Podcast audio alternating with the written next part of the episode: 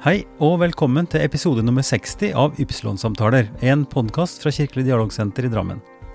Navnet mitt er Ivar Flaten, og i denne episoden har jeg snakka med Laila Elinor Kaasa. Hun har besøkt 45 land, jobba i ulike afrikanske land i 17 år, elsker friluftsliv og har fullført den store styrkeprøven fra Trondheim til Oslo på sykkel ti ganger. Hun vokste opp hos adoptivforeldre som drev Austad gartneri, og vokste opp med tanken på at hvem som helst hun møtte, kunne være hennes søster eller bror. 77-åringen har jobba som lærer det meste av livet. Som pensjonist har hun fortsatt sitt engasjement for medmennesker, bl.a. for sårbare gatebarn i Kamerun. Hun vet noe om traumer, og erfarer at kroppen husker det meste. En katastrofefølelse har fulgt meg gjennom livet, forteller Laila. Velkommen til podkasten Laila Elinor Kaasa. Takk skal du ha. Eh, det er hyggelig å ha deg her på, på, arbeidsrommet mitt. Det er første gangen tror jeg, at du er på besøk eh, akkurat her. Jeg har vært innom og sett hvor fint du har hatt det en gang. Ja, ja, ja da, men det er hyggelig, fordi vi har jo vært i kontakt med hverandre i, på forskjellige steder. Eh, Kirkens SOS møttes vi, og vi har sett hverandre i kirka ganske mye. Ja. Og jeg møter på det når jeg er oppe i marka her og skal ha med en skitur, så enten så er du på kjelke, eller så Du er stadig på farten. Eh, Ja. Så du er en sprek dame. 77 år gammel. Eh, og denne samtalen kommer til å handle om ganske mye forskjellig, fordi du har levd et langt liv og opplevd mye, og, og vært overalt. Altså, blant annet så sier du at du har vært i 45 land, og du har vært verden rundt. Jobba i mange år i Kamerun, vært i psykiatrien, er lærer. Eh, Men jeg syns vi skal gå tilbake til starten din. Kan ikke du si litt om, eh, om opprinnelsen din, Laila? ja, altså min mor kom fra Finnmark, men hun tok seg jobb sørpå. Mm. Og derfor ble jeg født på Geitus. Og eh, min eh, far, han var fra Østerrike og var soldat da min mor bodde i Finnmark. Ja, sånn var det. Mm. Så jeg er litt blanda, Ja. alt.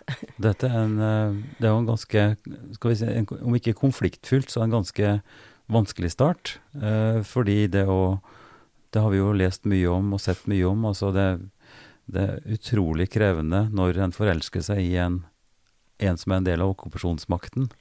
Ikke sant? Et slags Ja. svik, altså all den der hevnen og det som skjedde etterpå også, for de tyskertøsene, eller hva de kalte det. Mm. Ha- Har du tenkt noe eller hørt noe om det for din mors del? Nei, hun var smart, egentlig, fordi at hun reiste før hun ble synlig gravid sørover. Ja. Og dermed så var det ingen som visste Nei. hvem som var faren min, og da unngikk hun mye vondt. Også på slutten Mm. av eh, svangerskapet, og da ble jeg født eh, nede på Østlandet, hvor hun arbeidet. Mm, ja. Men senere, eh, har denne starten eh, Hva har den betydd for deg personlig, når du tenker tilbake? Nei, altså jeg fikk jo et opphold på barnehjemmet, for hun måtte arbeide. I Oslo fikk hun jobb da. Mm, Og da var jeg tre år på det barnehjemmet, fordi min mor hadde ikke til hensikt å adoptere meg. Hun ville, ville at eh, Hun ville ha meg videre, men hun måtte finne en løsning praktisk. ja. Men så møter hun da, i den tiden, eh, de tre årene, så møter hun en som ikke vil ha meg, fordi at jeg er fiendebarn. Dette er da en nordmann. ja. Så han ville gjerne gifte seg i 46, og da måtte min mor bestemme hva hun ville gjøre, hun som hele tiden hadde regnet med at hun, jeg skulle bo sammen med dem, Ja. eller henne. Smertefullt for henne? Det var smertefullt fordi at hun måtte gjøre et veldig vanskelig valg. Og da ble det slik at jeg ble adoptert, og heldigvis til veldig gode foreldre. Mm, Her på Fjell, det het jo Øvre Frydenhaug den gangen. ja, ja. Og kom hit som treåring da, og har hatt en veldig god oppvekst. Og jeg kunne ikke hatt det bedre, vil jeg selv si. Mm, Det preget meg lite grann kanskje i livet, fordi at eh, jeg eh, har jo alltid vært spent på annen familie. mm, alltid lurt på det, men jeg har også blitt beriket av det. For alle mennesker kunne være min bror eller søster. Ja.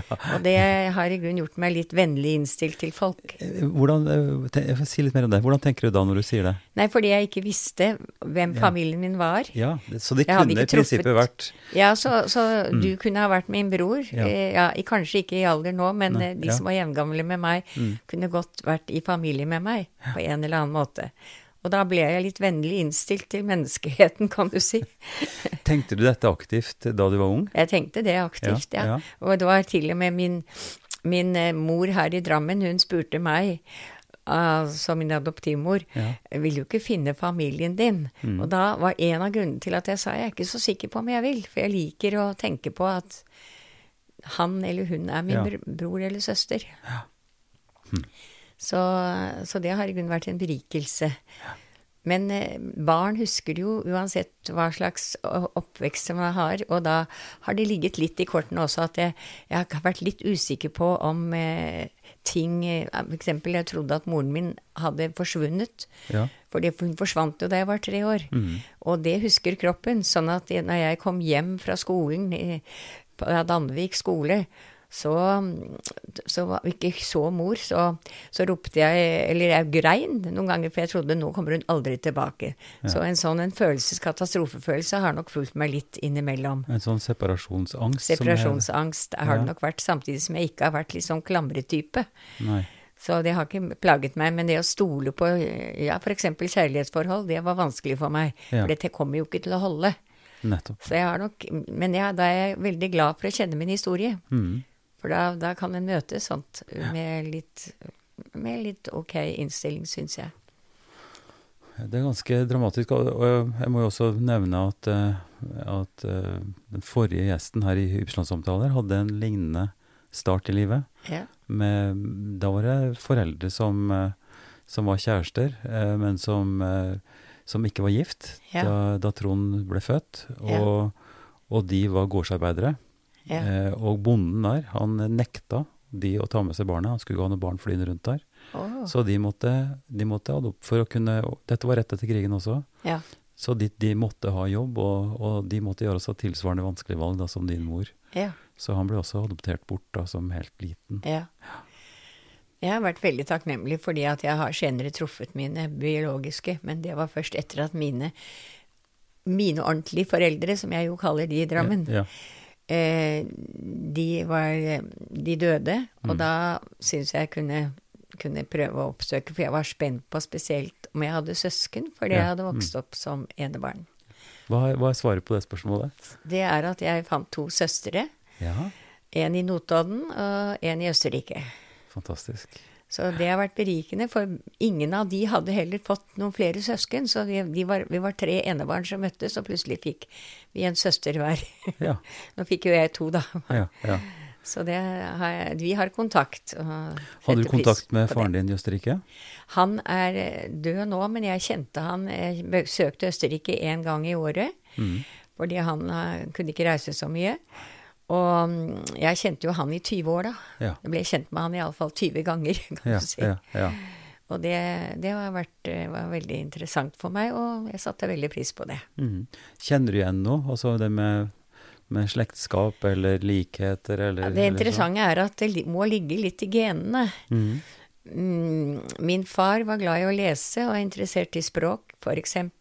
Har vært på de fleste topper i Østerrike, var glad i friluftsliv og gikk mye. Jeg har de samme interessene uten å ane at, at det er likhet der. Og min mor, hun eh, hadde spilte trekkspill, eh, munnspill, det gjør jeg. det var litt pussig. Hadde lyst til å bli lærer, men ble det ikke. Jeg ble det.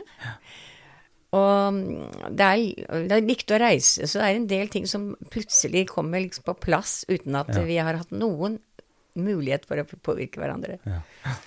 Eh, si litt om barndommen din her, for jeg har jo skjønt at der mine barnebarn nå går i barnehage, i bikkjestykket, Ja, uh, der har du en historie også. ja der hadde vi Austad gartneri, lå der, med drivhus og blomster. Så den barnehagen den er bygget på veldig god, fruktbar jord. For vi har Men faren min drev eh, arbeidet der i nesten 40 år, Austad gartneri. Mm. Og så ble det nedlagt. Eh, jeg hadde valgt å bli lærer. Han var eh, ikke lagt noe press på meg til å bli gartner når jeg hadde lyst til å gjøre noe annet. Mm. Og så ble det barnehage, og min far ville vært glad hvis han visste det, for eh, han var veldig glad i barn. Mm. Og derfor så var det også en god far. Men hadde du noe, husker du noe fra oppveksten din? Var du aktiv med på, på jobbinga der? Hadde du noen oppgaver og sånn? Ja, jeg var, var jo hver sommer og hver jul så var jeg jo gartneri, for da var det høysesong med blomster. Og mm, så jeg, hver, så jeg sommerferie, nesten hver sommerferie så, så jobbet jeg der. Ellers så hadde jeg et par andre sommerjobber for å få en variasjon, bare. Mm. Satt på en informasjonskiosk i Drammen, turistinformasjon. Så på, på Danvik folkehøgskole var det også sånn leie, leie for turister.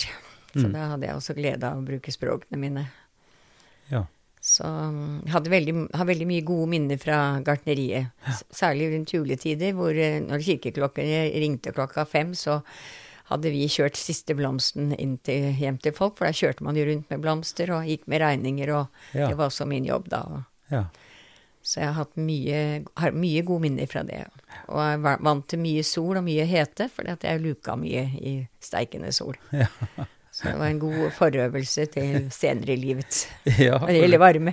Du skulle få nok av sol og varme etter hvert, det kan vi komme tilbake til. Men hva med skolegangen din? Du, du ikke noe du, du ble ikke erta, eller ble ikke sett på på noen bestemt måte fordi du var adoptivbarn? Var det kjent, eller var Det var ikke så veldig kjent, men eh, noen i klassen hadde snappet om at det var noe spesielt med meg, og så var jeg ganske mørk i håret den gangen. Ja. Og så har jeg alltid hatt mye pigment, så jeg var brun, så de mente og erta meg med at jeg var flyktningebarn. Jaha. Det var det de hadde oppfattet av samtalen mellom mor og far ved middagsbordet. Så det, men jeg har heldigvis ikke vært så nærtagende, sånn at jeg bare fortalte hjemme at de tror jeg er flyktningebarn, og det er jeg vel ikke. Nei, det var jeg ikke. Så, så jeg har ikke vært noe plaget. Nei. Så du er ganske robust som person. Jeg har ikke vært eh, plaga så mye. Nei, jeg må si at jeg, jeg, har, jeg har ikke hatt så spisse albuer. Det har jeg i grunnen ikke. Men eh, jeg har- ikke vært så veldig nærtagende. Og jeg fikk Man skal ikke gråte. Det var noe, noe jeg lærte hjemme da. Ikke, Ja. det er ikke noe gråte, man prøver å la være. Ja. Så jeg, det var en litt morsom historie. Da jeg var ganske liten, så skulle vi kaste inn noe ved, og jeg skulle selvfølgelig hjelpe til. Jeg var vel en fire-fem år. Og da kasta faren min helt, sånn, eh, helt uforvarmt, så kom han borti hodet. Ja. Så det fikk et trestøkk i hodet, og så da begynte jeg å gråte. Så det var antagelig litt vondt, men så jeg lærte at jeg måtte stoppe. Så da jeg kom inn om kvelden, så husker jeg at da var det, hadde jeg jo blødd inn i, i lua der, så da faren min var jo veldig fortvilt, for han var ikke noe voldelig. Men, eh, men det var sånn at jeg faktisk har nesten vært litt for flink til å ikke vise tårer. Ja. ja. Mm. Men eh, det er, ikke noe, det er ikke noe skade, men jeg vet jeg om at tårer er bra. Ja, ja, nettopp. Jo, men det er nok noe som flere av oss kanskje er prega av. At Ja. man skal ikke, skal ikke sip- sippe for ingenting. Nei, Nei. det er sant. Mm. Og hva ingenting er, da, det er jo et åpent spørsmål. Ja, så var mine foreldre også veldig opptatt av at eh, enebarn skulle ikke bli bortskjemt. Så det var eh, heller litt strengere enn enn vanlig, akkurat for at jeg ikke Ja. skulle Mm. få alt jeg pekte på. Det er jo bra. Eh, men du var altså ikke så interessert i å følge opp det med gartneriet, du ville bli lærer. Eh, hva, Ja, hva, jeg- var, hva var liksom drivkraften i det, tror du? Jeg har lekte alltid som barn, sies det. Med mine stakkars eh, søskenbarn så skulle jeg alltid leke skole. Så det har vel ligget i meg at det å formidle har jeg syntes har vært moro. Mm. Så, og jeg er ikke spesielt praktisk med hendene mine.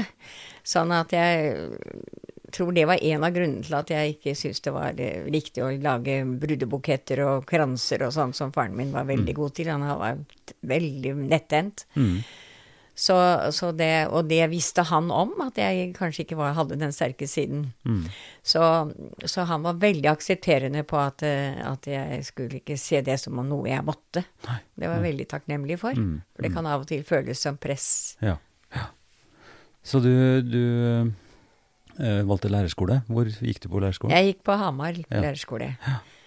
Og trivdes veldig godt. Og jeg, jeg, før jeg, jeg var så heldig å være lærer før jeg gikk på lærerskolen, for det trengtes den gangen. Mm. Og da gikk jeg på et lærekurs eh, på Stord, husker jeg, og det var eh, veldig nyttig å ha litt forkunnskap på åtte uker. Før jeg da jobbet på min egen barneskole i Danvik, som jeg selv hadde gått på. Ja. Som 18-åring så møtte jeg jo mine gamle lærere, Mm. og det var jo litt spesielt. Og jeg fikk en litt tøff, bråkete femteklasse. Ja. Så, eh, men jeg, jeg mista ikke motet på det, heldigvis, og jeg trivdes. Mm.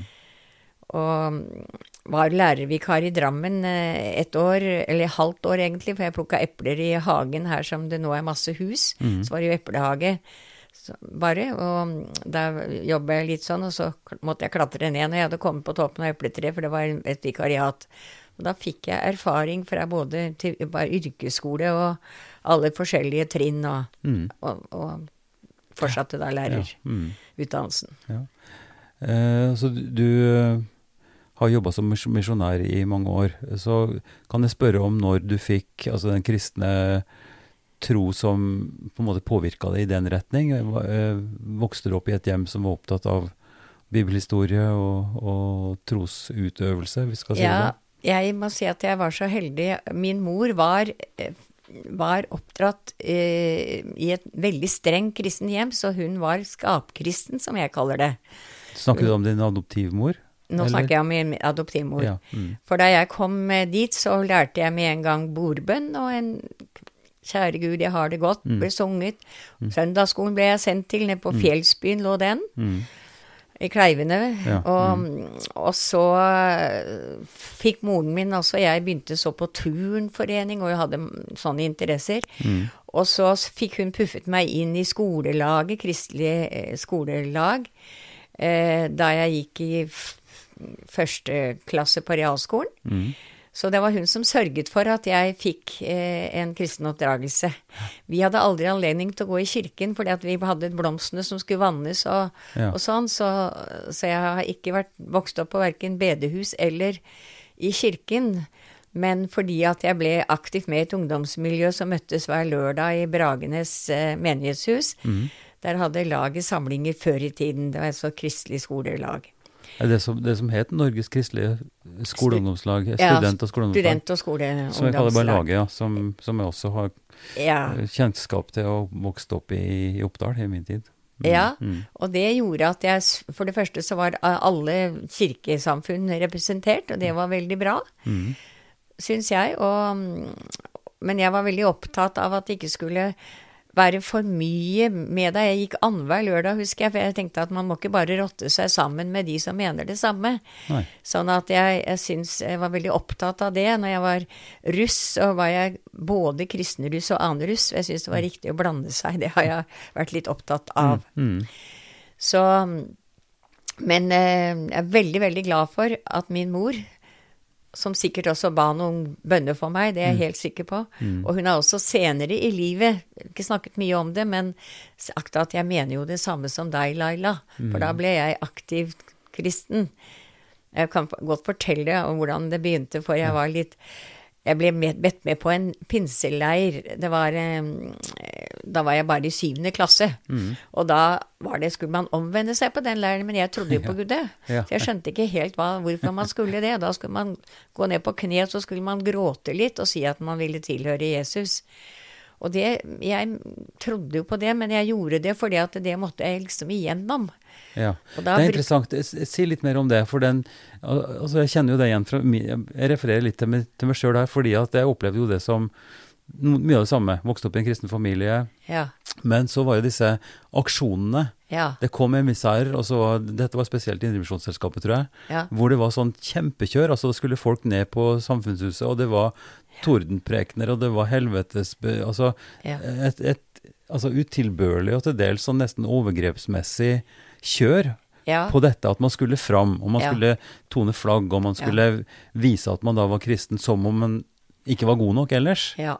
Eh, og det var, men var dette i en pinseforsamling, eller var det i en, eh, altså i laget? Nei da, det var i, i Frie Evangeliske. Ja. Og de hadde et veldig godt arbeid. Eh, Det var en i klassen min som gikk der og ba meg med på leir. Og så måtte jeg spørre hjemme, og da sa mine foreldre ja. Men du må ikke bli for kristen, sa min mor. Da var hun redd for den strengheten. ja. Og som jeg sa tidligere, så var jeg redd for å gråte. Mm. Og jeg, det passet ikke meg å, å, å liksom begynne å gråte fordi jeg skulle omvende meg, fordi at jeg trodde på Gud. Ja, ja.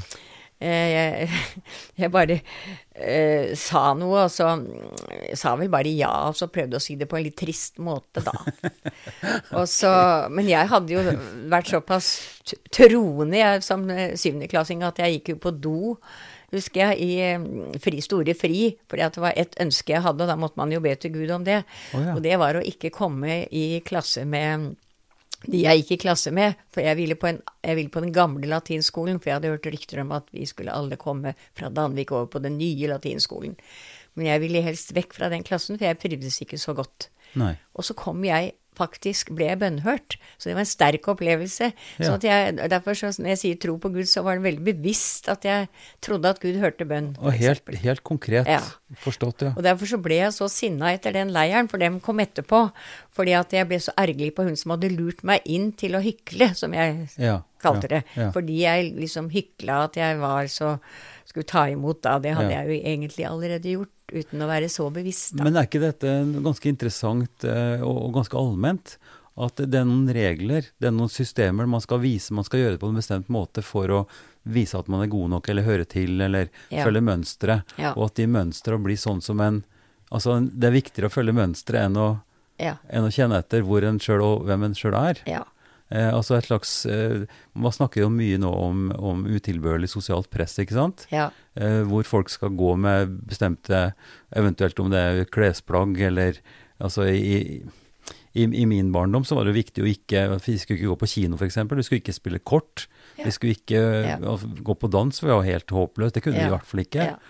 Og skulle helst ikke lese sekulære bøker heller. Nei.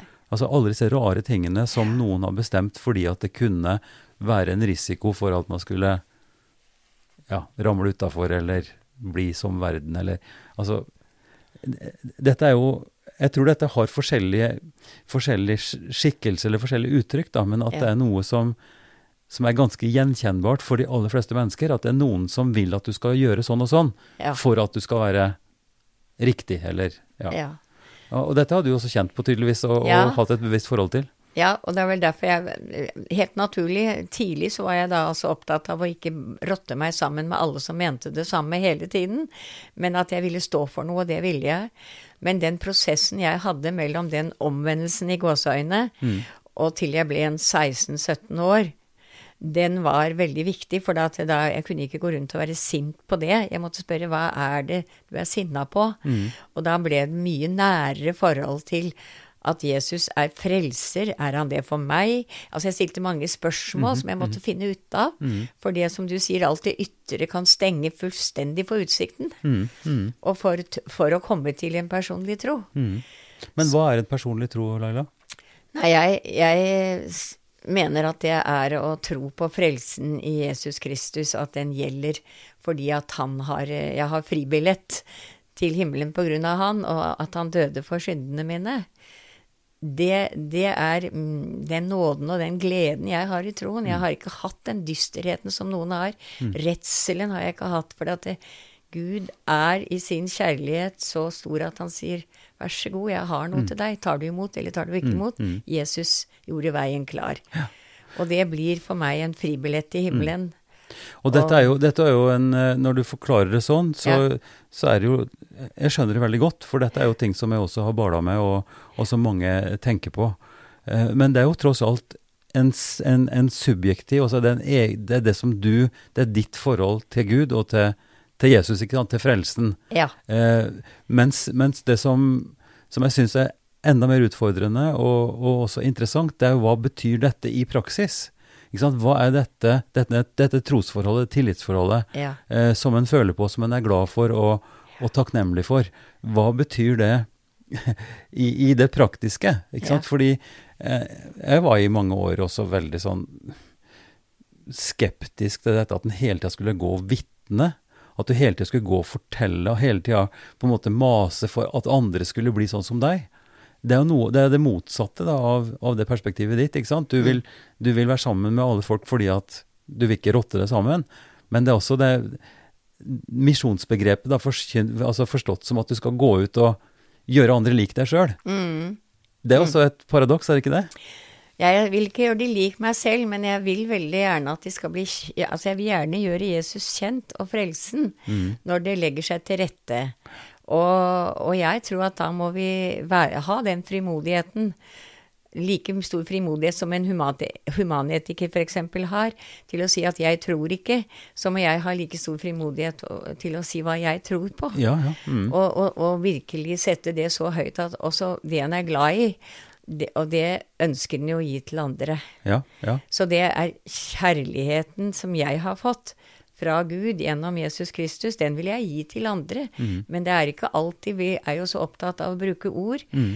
Og jeg sier at vi må jo også bruke ord. Vi må sette en ord på det hvis folk skal skjønne. Men det er jo veldig mye å si med hva slags holdninger har vi? Hva mm. slags kjærlighet har vi til andre mennesker? Mm. Eh, hva er det som vitner om Hva er det som betyr å være lys og salt? Mm, ja. Det er mm. like mye holdningene våre og gode gjerninger. Men eh, jeg vil gjerne understreke liksom at det er, det er tatt Jeg har fått alt mm. gratis og av nåde. Mm. Og nåde er et ord som er vanskelig for folk å forstå hvis ingen forklarer. Mm. Ja, altså det, det, det, her er jo et, et stort felt og, og, kjempeinteressant. Jeg tror ikke vi skal grave så veldig mye mer i det. Men det er noe med at, eh, at det er godt nok i seg sjøl at folk opplever den kjærligheten eller den omsorgen eller det man gjør. Altså, det, det, ikke, det, blir ikke godt fordi at du sier at det er forankra i kristen tro, f.eks. En god gjerning er like god på en måte uavhengig av hvem som gjør den. Og det å bli omfattet av denne omsorgen og, og godheten, eh, tenker jeg liksom Det er viktigere da, enn at man liksom først skal si at nå skal du høre at eh, eh jeg tror sånn og sånn, og derfor så gjør jeg dette. Ja. Ikke sant? Det burde være motsatt. Ja. Det burde, eller burde være motsatt. Det, bør, det er mer interessant å, å, å, høre på folks drivkraft. Hvorfor er det så viktig for deg å delta og gjøre det du gjør? Hvorfor er du aktiv i, i samfunnet? Hvorfor er du aktiv i det du gjør? Jo, det er fordi at altså det er et bibelsk uttrykk at fordi Kristi kjærlighet tvinger meg, eller fordi at, at det er noe som jeg skal gi tilbake. Eh, og at Altså, og, det er jo noe av det som er mitt, eh, for å si det litt høyt, eller livskall eller, eller drivkraft og motivasjon. Det er jo at, at, vi skal jobbe for å stå sammen i det aller meste. Og sørge for at vi skal bistå hverandre og være hos hverandre. Og så skal vi med full rett kunne spørre hva er ditt utgangspunkt? Hvorfor er du her? Hva er det du tror på?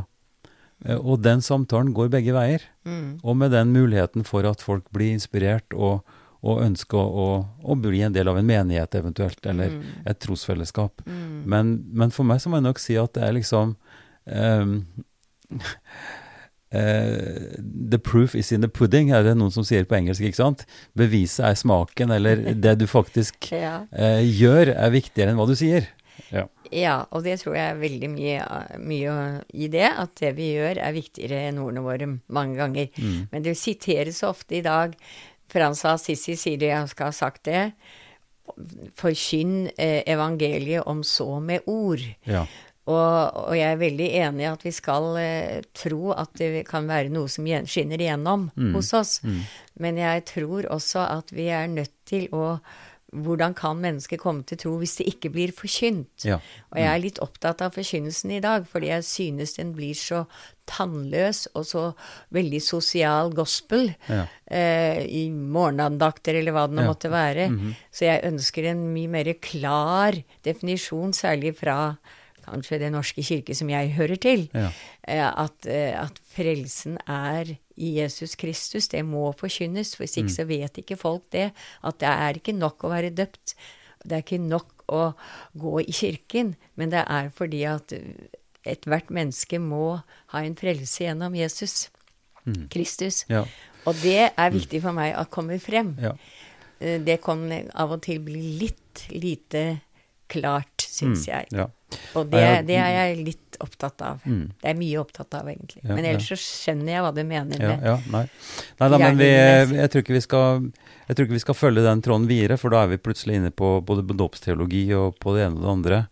Eh, hva, hva dåpen gir, og, og, og, vår tilslutning og ja, og Så, videre. så Så der ligger det mye, og det, det kan vi sikkert holde en hel både en hel preken og en hel podkast om. Men jeg tror vi skal gå videre. For da er vi jo midt i smørøyet, på en måte. Da er vi midt i det som har blitt veldig mye av ditt livskall, og det du har gjort. Altså eh, først som lærer, vi kan si litt om det, om din lærergjerning. Fordi du har også brukt mye tid, særlig kanskje de senere år, som misjonær og som språklærer i, i Afrika. Ja da. Men vi, kanskje vi skal knytte litt tilbake igjen altså den, skal vi si, den, den, den utviklinga di i jobb, da, hva du har jobba med. For du har vært innom psykiatri, du har vært innom undervisning, du har vært innom ganske mye. Ja, altså jeg begynte med, å, begynte med folkehøyskole. Jeg hadde selv veldig lyst til å gå på folkehøyskole, mm. men det ble jeg ikke. Så jeg to, søkte en lærerstilling, første lærerstillingen min, på en folkehøyskole. Mm. Og den er nede på Moi i Rogaland, og der var jeg der, For funksjonshemmede var den spesielt den gangen. Mm. Men jeg liker folkehøyskoletanken veldig godt. Er det ikke sånn at, eh, at Lundheim jeg eh, kjenner også litt til folkehøyskolene, at de har halvparten av funksjonsfriske og halvparten eh, funksjonshemmede, slik ja. at man har en, en, aktiv holdning til sam, samrøret, eller samarbeidet. Ja, nettopp. Jeg syns det var veldig fint. I begynnelsen var den spesialbygd for rullestolbrukere og veldig sånn, så da var det flertall funksjonshemmede, og så har det etter hvert nå blitt flertall funksjonsfriske, som vi mm, sier. Mm, mm. Men det er fordi at det er mange andre tilbud også for ja, ja. Funksjonshemmede. Men det var en veldig rik tid jeg var ansatt der tolv år og lærte veldig mye om livet og forskjellige situasjoner som mennesker var satt i. Mm. Og så har jeg jobbet i barne- og ungdomspsykiatrien og voksenpsykiatrien som lærer. Og så har jeg dratt til Finnmark, for jeg hadde lyst til å komme utenfor Drammens grenser, mm. for å si det sånn. Mm. Reise litt. og Jeg var foreldrene mine borte etter hvert. Og da reiste jeg til Finnmark, og da visste ikke jeg at jeg hadde familie i Finnmark, for jeg visste ikke det før jeg var godt voksen. Nei. Men jeg har alltid vært tiltrukket av uteliv, friluftsliv, mm. eh, stjernehimmelen, nordlyset. Mm. Jeg hadde vært i Finnmark på ferie tidligere og hadde veldig lyst til å arbeide der. Mm. Så jeg søkte to jobber eh, da jeg skulle forlate Drammen. En i Ecuador og en i Finnmark. Mm -hmm. Og da var det åtte timer eh, tidligere Altså dem som ringte meg, da, åtte timer og var første løypa, det var Finnmark. Mm. Jeg sa ja, og så kom Ecuador og ringte åtte timer senere og sa at jeg måtte bare glemme at jeg hadde sagt ja til Finnmark. For jeg hadde egentlig søkt der tidligere, men fått negativt svar. Det hadde, var en feil, sa de. Men jeg ble da sikker på at jeg skulle til Finnmark, og Men la, la meg spørre, når du søkte Ecuador, var det en misjonsskole, eller var det en Det var, eh, var igjennom misjonen, for jeg hadde et ønske om å arbeide i utlandet. Og da ble det at jeg søkte misjonen, for jeg hadde lyst til å jobbe i en kristen sammenheng. Mm, mm.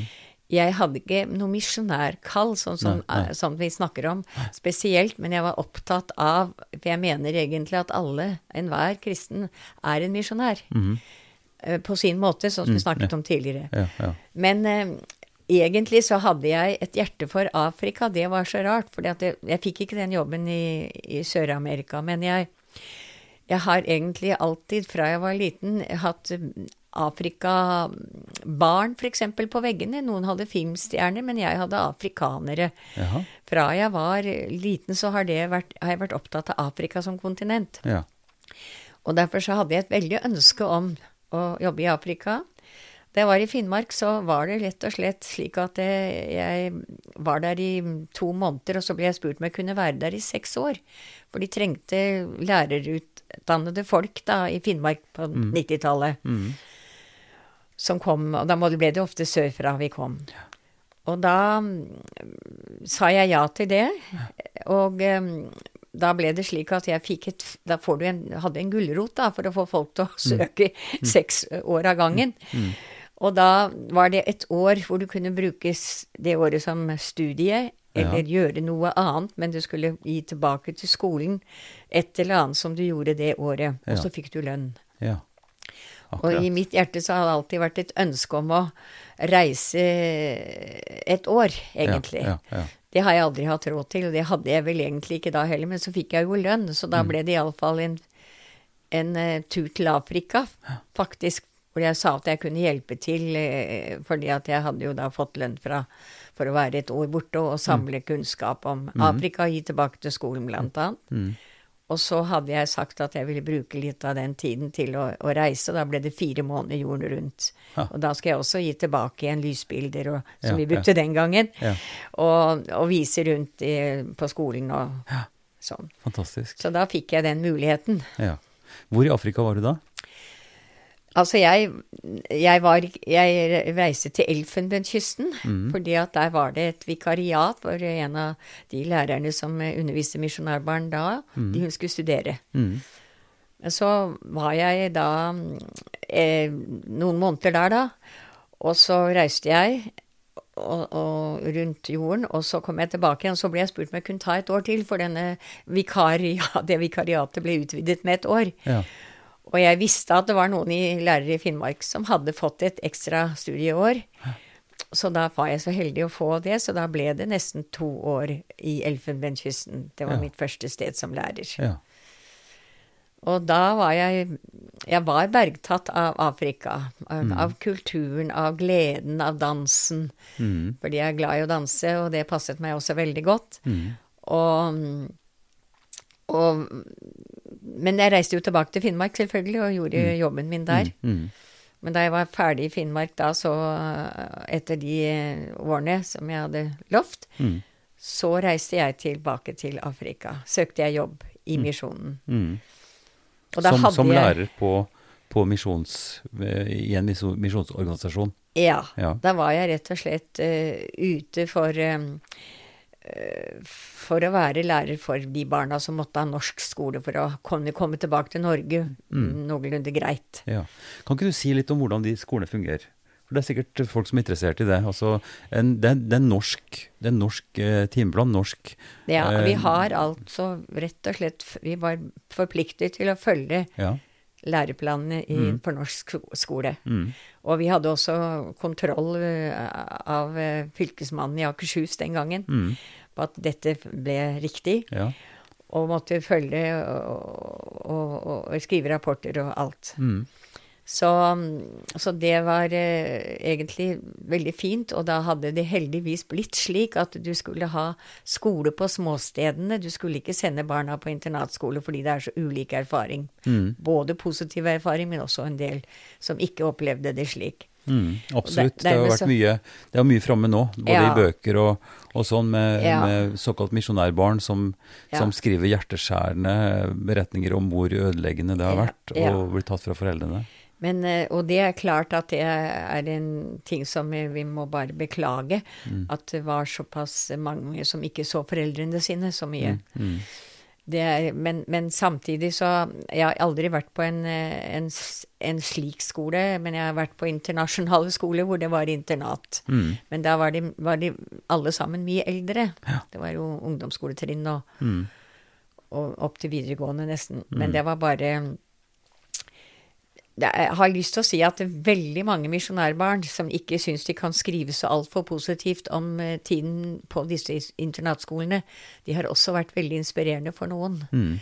Og det har eh, fordi at de hadde det De fikk så veldig mye gratis ved å være i et internasjonalt miljø, eller i et miljø i et annet land.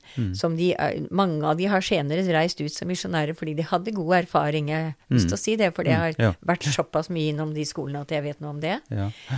Men eh, samtidig så, så er det ikke så lett å skrive positivt om det, fordi det er noen som hater så trøbbelsomt og vanskelig. Ja. Så derfor så ligger de rapportene veldig lavt. Mm. Ja.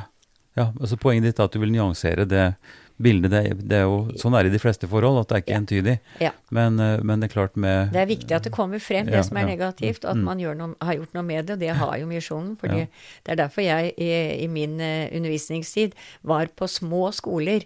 De kunne bli litt små noen ganger. Ja. Mm. For, for å si det, det var noen som var tre søsken som, som hadde mamma og pappa som var lærere, som lærere. Ja, ja. Det blir veldig da, da, da er en av de Når hun kom til åttende klasse, så, så sa hun til foreldrene Kjære mamma og pappa, kan jeg få lov til å begynne på den internasjonale skolen i nabolandet? Mm. Enda det var ganske mange mil det var snakk om. Ja. Men jeg har så lyst til å treffe annen ungdom, og Ja, jeg har ikke ja. lyst til å ha dere som lærere og søsknene mine som medelever. Nei, Så det kan gå den veien også. Ja, klart. Og hun Mm. trivdes jo så nesten ikke fikk henne hjem til jul, Ja. Bare for å ta den Ja, siden. nettopp. Men, men da blir undervisningen nesten sånn som få- fådelsskoler, altså at eh, du underviser elever i flere klassetrinn samtidig. Ja, det er Mm. litt av en jobb for en lærer, fordi du har, har alle klassetrinn, og du må dekke alle fag. Mm. Så du må stå på veldig. Det er mye arbeid, men Mm. gledelig. Eh, Du har jo sagt, og, og vi forstår jo at du er glad i, i friluftsliv. Du snakka om nordlys, og, og, og, og, du har også vært veldig aktiv, altså med sykling annet. eh, Og snøhuleovernattinger, ligge ute, Ja. eh, alt mulig sånt. Hvordan, hvordan kunne det være i Afrika? Det er mange som trodde at jeg var så glad i varmen, at det var derfor jeg var så heldig som var i Afrika. Men jeg Mm. Ja. savnet jo alltid vinteren. Ja. Men man får aldri alt. Så, så det var mye annet jeg fikk i, i Afrikatiden min. Og det ble jo en, har jo blitt en til sammen 17-18 år, Mm. hvis man legger sammen. Mm. Men jeg eh, har eh, Faren min var en skogsmann. Han likte å gå på tur på skauen, og fra jeg var treåring så satt jeg på sparken. Han tok seg en sparktur når det var vinter og det ikke var så mye strøing som det er nå. Mm. Mm. Så var det ypperlig sparkføre her. Og jeg var, fikk ski da jeg var tre-fire år gammel. Fikk jeg første skiparet. Mm. Og det har jo vært en inspirasjon. Og så ble jeg også speider, og ble inspirert til å ligge ute gjennom det arbeidet. Mm. Og har som sagt alltid vært interessert i stjerneskuddsvermer og nattehimmelen i det hele tatt, og ligget mye, mye ute. Mm. Og, og, og har ligget mye på verandaen til folk og meg sjøl og, og Ja, sånn ja, ja. også. Og har likt å bygge snøhule og gått fra telt til telt i påsken istedenfor uh, hytte til hytte. Ja. Men det er det som jeg har hatt veldig glede av. Å ut, utprøve utstyret. Er det varmt nok? Og Ja. fryser jeg i natt? Og Ja. det kaldeste jeg hadde, var eh, faktisk eh, Ja, det var vel 33 grader på Finnmarksvidda. Mm. Men jeg har jo god erfaring med det. Mm. Jeg har, hadde mm, godt utstyr. Mm. Og hadde hund en periode med slede og kunne ta bagasjen og, og Så jeg har hatt veldig mye glede av friluftslivet. Jeg elsker å sykle langt. Mm. Da jeg skulle ha jobb i Finnmark, så sykla jeg fra Kvalsund, hvor moren min kom fra, og over til Grense Jakobselv. Eh, og bada i den der grenseelva mens jeg fikk følelsen av at de så teltet mitt fra utkikkstårnet i Russland, så det var litt skummelt, husker jeg. Og har eh, sykla over Pyreneene med en- på tandem med en blind mann. Sykla fra Paris til Madrid. Oi, oi, oi. Jeg har sykla Trondheim-Oslo ti ganger. Det er jeg litt stolt av at jeg har greid. Jeg vet jo at du er, har rekord eh, på det løpet. Det jeg har rekord med at jeg, jeg tror det var tre kvinner som har gjort det med ti ganger. Ja. Og det er jeg litt stolt av, da. Men jeg vet ikke, jeg har ikke sett statistikken på en stund, så det kan jo være slått. Nei, det, det er en lang tur, eh, Laila. Og, og når jeg sykla med lag og sykla fort, så er det én Det er jo én ting. Altså da, da er du jo topptrena, og det går veldig fort. Det er en 13-14 timer. Ja. Men altså, det er en litt annen story når du sykler. Du, hvor, hvor lang tid brukte du Ja, på de fordi at turene? jeg brukte makstid, for jeg prøvde Ja, også å, mm. å hvile litt. Ja. Men jeg hadde ikke tid til å hvile, for jeg var ikke sånn som liksom Jeg har ikke likt blodsmak i munnen. Jeg har aldri Nei. vært den typen. Sånn at jeg kan holde ut veldig lenge. Jeg er seig. Mm. Jeg har gått ni, ni mila på ski, og jeg har greid det. Men jeg har ikke vært sånn som må vinne. Nei. Men jeg har holdt tida, da, så derfor sier jeg at jeg har greid det. Ja, ja. Mm. Eh, og, og fått merke og sånn. Ja, ja. Men, eh, men når det ble satt ned så veldig lavt, så var jeg litt lei meg. Det ble satt ned til 36 timer. Og det greide jeg en gang på Trondheim-Oslo, for da var det god medvind, og hadde, Ja. da hadde jeg følge med en trønder. ja. Så det hjalp. ja, ja. så, så eh, Men jeg har Fra jeg var ganske ung Jeg sykla Drammen-Bergen, husker jeg. Det var jo rett etter gymnaset eller noe sånt noe. Ja, men jeg har alltid hatt glede av det. ja. Hmm. Så, og i det hele tatt så har jeg syns jeg har fått gjøre ting jeg har hatt glede av. Svømming er jeg også veldig glad i. Mm. Og padling. Jeg har hatt fine kanoturer. Jeg fikk eh, arva jo kajakk etter eh, vår felles bekjente og min gode venn eh, Dag Arne Roum. Ja. Så den har jeg nå hengende her og har tenkt å skal begynne å prøve meg på, på kajakkpadling. Jeg har så vidt prøvd det før, men det er jo, bør, bør nok ha et kurs og prøve å komme i gang med det. Ja. Men det er fascinerende. altså Jeg kjenner flere som har stor glede av det. Ja. Jeg er jo fjell, fjellgutt, så jeg har jo ikke den erfaringa med, med båt på den Nei. måten. Nei. Nei, det er eh, noen av de fineste feriene har jeg egentlig hatt med kano. Jeg har også kjøpt meg en kajakk nå nylig, men jeg har ikke Jeg har bare brukt den én gang foreløpig. Ja. Men eh, hvis vi skal gå tilbake igjen til, til det som jeg også prøver å ha som et sånn gjennomgangstema i, i disse samtalene, det er jo det perspektivet med, å, å, altså med kulturmøter og det å være utafor og, og komme innafor hva skal til, altså integreringsspørsmål og sånt. Det er jo et veldig interessant perspektiv eh, når en tenker på, på misjonæren. Eh, altså, du sier jo at du er ikke misjonær i streng forstand, men lærer i utlandet, da. Mm. Og hvordan den norske kontingenten, eller hvordan eh, den grupperinga fungerer i forhold til resten. Altså Du er jo veldig opptatt av, har sagt hele, hele tida i samtalen her, at det å være et annet sted, altså blande deg, være sammen med andre, Mm. hvordan fungerer det når du er ute som, som misjonær? Er en motsetning eh, eh, mellom de tinga? Det er jo noen som vil sette det på spissen og si at dialog, samtale eh, og misjon er ild og vann. Altså, det går ikke. Hva er din erfaring med sam, samvær, kontakt med, med de miljøene som, som da ikke er norske når du er ute i, i misjonen? Nei, jeg har vel god erfaring med det, for jeg har vært så heldig der jeg har vært. Nå har jeg vært eh, i Mali. Eh, jeg har vært i Elfenbenskysten, Uganda og Kamerun. Og alle de stedene så har det ikke vært store motsetninger, f.eks. mellom islam og kristendom. De har vært, uh, hatt møter sammen, vi har um, hatt respekt for hverandre. Så det har ikke vært noe vanskelig. Det har vært mye verre med disse gruppene som eh, Boko Haram og alle mm. disse gruppene. Det er jo det som har vært trusselen. Mm. Så der jeg har vært, vel å merke, på arbeid, der har det ikke vært noe ekstremt vanskelig på noen måte. Det har vært god, godt, god, god, god, god forhold, eh, Mm. vil jeg si. Så det, mm, det har jeg en god erfaring med, jeg. Mm. Og mm, kirken Jeg, jeg syns det er veldig fint at eh, Kamerun er det jo blitt slik nå at kirken har vokst seg så stor at de greier seg selv. Altså de eh, har sine sitt ansvar og Mm.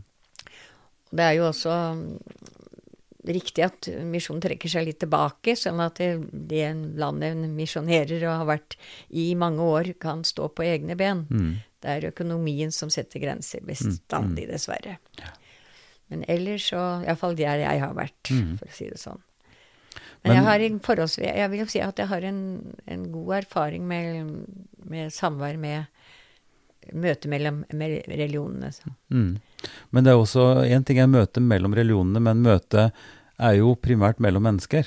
Ja. Eh, altså, det, det, av og til tenker jeg at det blir en, det blir en for stor eh, for stor og grov kategori å si at kristendom møter islam.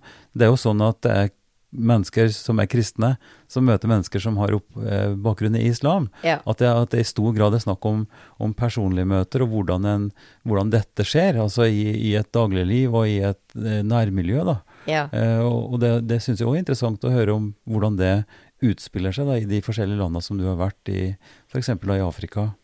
Ja, det som jeg syns har vært fint, da, bare for å ta et eksempel, det er at eh, misjonen har ansatt Altså hvis det er en som kan et fag som eh, vi trenger, Mm.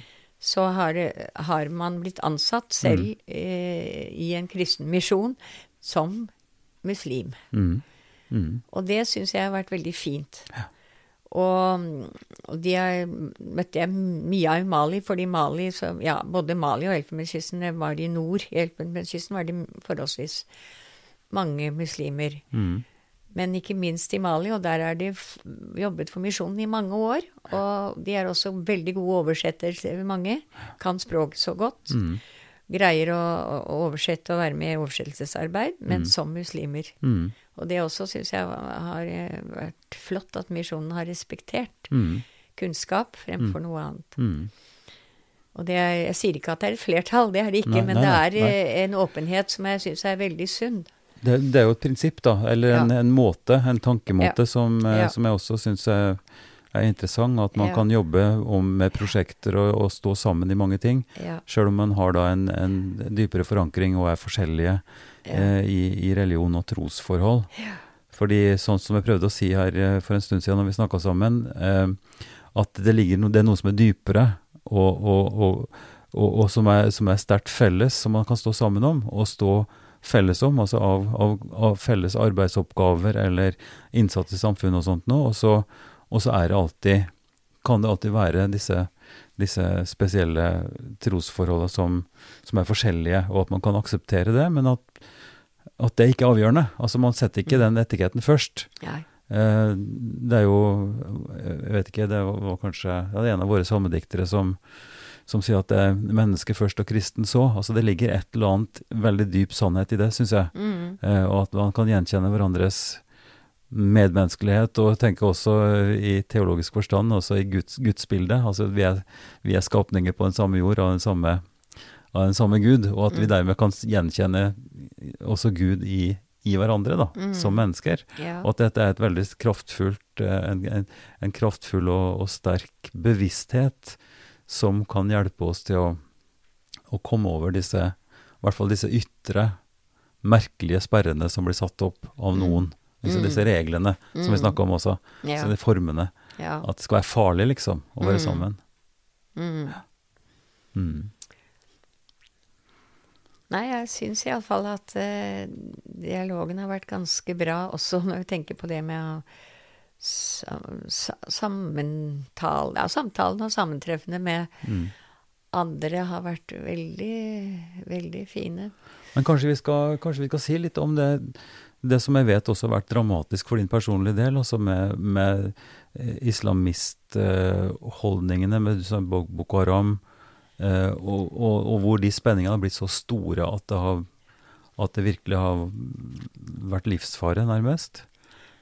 Ja, iallfall som eh, hvit, først og fremst. Det at du er hvit, har jo vært det vanskelige med disse gruppene, fordi at det betyr kidnapping og penger. Mm. Så det har vært veldig strengt nå i Kamerun i mange år, fordi at Nord-Kamerun har hatt helt konkrete kidnappinger flere ganger. Mm. Og jeg ligger jo Nagaundere, hvor jeg var, er midt i landet. Mm. Og vi har ikke fått lov til å reise lenger enn ca. en mil, bare, unna nordover. Mhm. Og det er ikke anbefalt å være for nær den nigerianske grense heller, så det har vært restriksjoner etter de siste årene på reising mm. for å ikke risikere noe. Mm. Og det kan, kan man lett gjøre hvis man ikke er forsiktig. Det har vært litt bedring nå i det senere, men vi har allikevel vært litt forsiktige med å reise langt nord. Mhm. Jeg var heldig, for i begynnelsen da jeg kom, så var det ikke sånn. Det var ikke så strengt, og det var ikke så farlig. Mhm. Så jeg var så heldig å velge min første juleferie nordover, så jeg har vært helt nord og sett uh, interessante steder og sånn, Mhm. som du ikke kan komme til i dag, rett og slett. Det er for farlig. Ja. Og det går rykter, det er også noe som er, er typisk når du er ute. Det går mer rykter enn kanskje sannheten Mhm. Er, og da, da er det at nå er det kommet til din by også, vær forsiktig. Og, men eh, vi følte ikke at vi burde være så forsiktige der vi var, så misjonen har vært forsiktig nok, mener jeg. Mm. Men jeg syns det er veldig riktig å være klar over det, altså. Men jeg vil ikke si sånn skremme folk, og jeg har jo venner som nå er ute, annet i Sør-Mali. Mm. Selv om i Mali er det jo mer alvorlig enn i Kamerun. Mm. Absolutt. Så er det jo uh, fremdeles noen som er ute og er i små landsbyer, og landsbyen kjenner dem, og de kjenner landsbyen. Mm. Og det er en, en um, muslimsk landsby hvor de blir så godt beskyttet fordi at de er kjent mm. som kristne misjonærer der. Mhm. Og de, eh, de er iallfall en Ja, nå er det vel ca. ti, tenker jeg, som jeg vet om, som er ute. Mm. Både i Elfenbenskysten og Mali. Eh, vi begynner å gå mot slutten her, men jeg har lyst til at du skal si litt om eh, det prosjektet som, som eh, vi har vært, ja ikke mye, men litt involvert i fra, fra Fjell, altså i Gaundere. Det er jo en by som jeg også hadde gleden av å besøke eh, for en god del år tilbake, så jeg kjenner Ja. litt til det. Men, men det Gategutt-prosjektet, kan ikke du si litt om det? Laila? Ja, det, det var slik at jeg følte at eh, jeg, jeg var litt luksuriøs. Jeg som pensjonist da, etter at jeg var ferdig som lærer, så ble jeg spurt om å være engelsklærer og undervise eh, misjonsarbeidere, afrikanske arbeidere, og andre afrikanere som var interessert. Og så undervise dem i engelsk, og det var jo veldig interessant og ålreit. Jeg hadde veldig lyst til å ha noe grasrotarbeid. Mm. Og jeg ba til Gud om at jeg måtte komme over noe som jeg kunne gjøre, som var på grasrota. Ikke nødvendigvis innen misjonen direkte, Mm. men da traff jeg en afrikaner som allerede var i gang med gategutter. Mhm. Fordi han hadde notert seg at det var veldig mange av dem i Gander etter hvert. Du er, det sier gutter, for jentene blir ofte får lov til å være hjemme, selv om det blir skilsmisser i, og, og det blir nye fedre og nye relasjoner, så kan de være med å lage mat. Men guttene blir veldig ofte skjøvet ut, mer eller mindre. Og, og kan risikere å komme med litt større gutter ned til storbyene, for der er det spennende. Mm. Og der var det en mann som i tre år hadde arbeidet med dette, og som jeg traff. Mm. Han er faktisk med i Han er eh, med i kirken eh, som misjonen driver, Så han er kjent, eh, kjent av oss. Men han eh, drev med dette arbeidet og kom på min dør og spurte om jeg var interessert i å hjelpe til med det. Eller komme og se på det, som han så forsiktig sa. Og det følte jeg var et bønnesvar for meg, fordi at da kunne jeg si ja, det har jeg lyst til, med en gang. Mm. Fordi at jeg tenkte her kan jeg kanskje være med å gjøre noe som er litt nyttig. Mm. Og siden så og Jeg var med ned og så hvordan de drev helt praktisk. De snakker om at det var praktisk og down to earth. og Mhm. Der var det å gi de mat tre ganger i uken, iallfall på morgenen. Mm. Slik at de kunne få stillet sulten sin. De bodde jo i helt tilfeldige steder. eh, På gater og streder og på bord på markedet. Og, ah, og når det var regn, så frøys de, for de måtte skaffe tepper og helt praktiske ting for å gjøre dette livet til guttene mer skånsomt. Men målet er vårt mm, er jo at de skal prøve å komme tilbake til de familiene de har rømt fra. For det kan være mange årsaker. Det kan være at begge foreldrene er døde. Selvfølgelig er det mange foreldreløse. Men det er også mange som har blitt skjøvet ut av hjemmet. Nå er du stor nok til å klare deg selv. Eller har stjålet noe, slik at onkel jagde de bort. Mange rare årsaker. Mm. De hadde ikke råd til å komme tilbake og fortelle hvordan dette egentlig hang sammen, for da hadde de jo kommet på vidvanken. Så vi, eh, hovedmålet er å få de tilbake og vekk fra gata. Mm. For da er det noen grupper som Boko Haram er etter, så er det de som er sultne, Ja. og som kan læres opp til å skyte og, ja. Og så videre. Det er jo ikke bare Boko Haram, men lignende grupper. Ja. Eh, Så jeg ser dette som et veldig, veldig viktig arbeid, og er veldig glad for å ha kommet eh, og blitt involvert i det. Mi- Misjonen hadde såpass mange prosjekt at de kunne ikke gå inn for det, så jeg har, um, har støtter de Mm. så godt jeg kan, også når jeg nå er i Norge. Mm. Via telefon mye når det gjelder ja. å høre hvordan det går. Mm.